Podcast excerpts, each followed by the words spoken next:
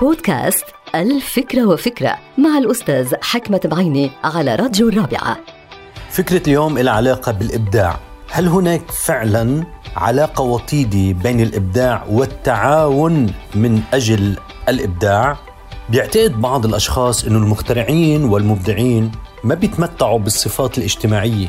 بتخيلوهم أنه قابعين في حصون خاصة وانطوائيين دائما مع أبحاثهم وتجاربهم مع العلم انه التاريخ يدحض مثل هذه المعتقدات وبيأكد انه الارتباط العضوي القوي ما بين المبدع والعمل المشترك هو ارتباط وثيق ودائم وانه المبتكر له باع طويل في هذا المجال أكثر من الأشخاص العاديين، كما انه التاريخ بيثبت كمان أيضا وبالأدلة أنه العديد من المبدعين ما كانوا انطوائيين، وإذا كانوا انطوائيين كانت علاقاتهم الخاصة مع مبدعين آخرين جعلتهم من المبدعين العالميين، وإذا عدنا قليلا بالذاكرة إلى الوراء سنرى أن مخترعي المحركات البخارية الطائرات الإلكترونيات الحاسوب وحتى الإنترنت كانت نتاج العمل الجماعي المشترك فيما بين الأشخاص المبدعين وأيضا مع الشركات. على سبيل المثال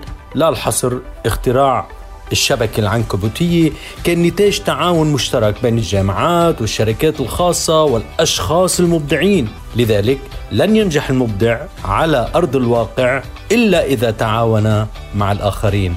انتهت الفكرة. هذه الحلقة مقتبسة من كتاب الفكرة وفكرة.